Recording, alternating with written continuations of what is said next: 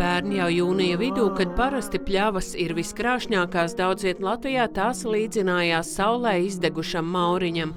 Dzīvniekiem bija jāpiebaro pērnais sienas un tikpat kā nebija ko savākt nākamajai ziemai ļoti liels sausums un nav ko pļaut, un nav, nav vispār barības, ko sagatavot. Uh, ir saimniecības arī kā manējai, ir 15-20% no tā, kas ir bijis citus gadus un, un īstenībā situācija ir katastrofāla. Ko darīt? Jau 2022. gadā sākās dalību valstu sarunas Eiropas Savienības līmenī par ārkārtas atbalstu, lai pārvarētu grūtības piena nozarē. Piena cenas strauji nokritās, lobarības cenas cēlās.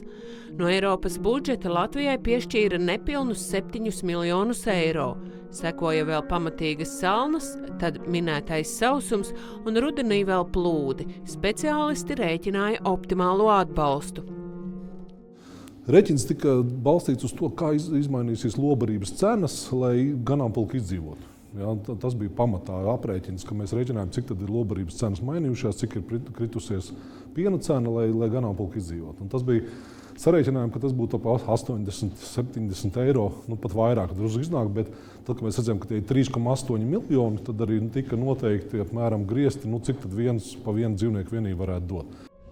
Bet diskusijas par to, kā naudu iekšēji sadalīt, turpinājās vēl visu rudeni. Tikmēr saimniecībās meklēja savus risinājumus, kā bada laiku pārlaist. Cik mēs dzīvniekus varējām, tik mēs jau rudens periodā izlikvidējām. Mazāk ražīgās govis, neproduktīvos dzīvniekus, tur buļļus un, un tādus tās mēs rudenī izlikvidējām. Tad šobrīd mēs pērkam klāt barību.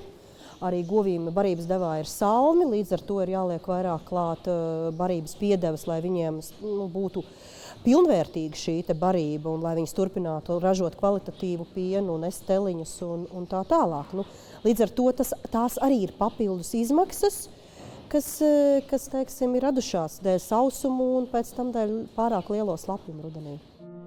No Eiropas piešķirtās naudas lopkopības nozarei atvēlēja 3,8 miljonus eiro, bet pārējo novirzīja augļu kopiem.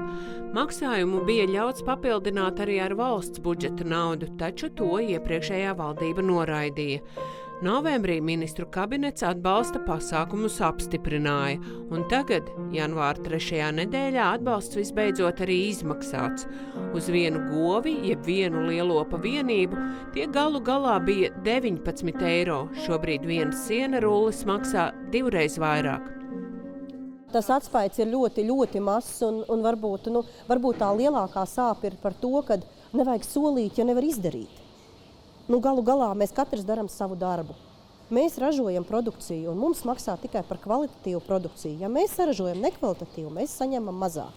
Tad kāpēc ierēdnis var slikti rēķināt un saņemt pilnu algu? Un, un, un joprojām saņemt un noplikšķināt acis un, un turpināt no upes kļūdījos. A, kāpēc mēs nevaram kļūdīties? Jums ir pārliecība, ka šis atbalsts ir eh, sadalīts vislabākajā iespējamajā veidā? Jā, mums ir tāda pārliecība, jo atbalsts tika izstrādāts kopā arī ar nevalstiskajām organizācijām, ar pašu lauksaimnieku iesaisti. Facebook diskusiju grupā Lopkopība izbrīna un neapmierinātību par to, kāds galu galā izrādījies saņemtais atbalsts, izteikuši daudz zemnieku. Ministrijā skaidro, ka atbalsta apmērs 19, nevis 87 eiro par lielopu saistīts ar lielo pieprasījumu. Atbalsta likme aprēķina pieejamo finansējumu, dalot ar atbalsta tiesīgajām uh, saimniecību nosacītajām lielopu vienībām, un tādā veidā tiek iegūta atbalsta likme. Uh, Papildus ir noteikts, ka tā atbalsta likme nevar pārsniegt 87,70 eiro par vienu nosacīto lielopu vienību. Un no turienes acīm redzot, ir bijusi tā izpratne vai sapratne, ka atbalsts varētu būt 87 eiro. Sākotnēji gan domāts, ka reāli tie varētu būt ap 40 eiro par lielopu, tomēr lūgumu bijis ievērojami vairāk par prognozēto. Atbalsta saņēmējiem bija jāatbilst kādam no pieciem kritērijiem, kas saistīti ar ieņēmumu kritumu, dzīvnieku skaita samazinājumu vai citiem. Pieteicās vairāk nekā 5000 lauksaimnieku, Atbalsts izmaksāts 4350. No sākuma tā, tie noteikumi tā bija striktāki, un tad laika gaitā viņi kļuva vien elastīgāki. Un, protams, jo ir vairāk elastīgāka, tā vairāk kritērija, pēc kuriem kāds var kvalificēties. Jo, nu, protams, nauda jau no tā nemainās. Tas vienkārši nozīmē, to, ka tas ap, saņemamais apjoms krīt, krīt, krīt un krīt. Un tā mēs esam nonākuši līdz 19 eiro. Dižglābu saimniece atklāja, ka situāciju labāku nepadara fakts, ka pagaidām nav zināms arī kad un cik lieli būs ikgadējie maksājumi. Piemēram, pērn uz diviem gadiem slēgta vienošanās par zālāju saglabāšanu. Sākumā par to minēts atbalsts ap 70 eiro, vēlāk 40 eiro par hektāru.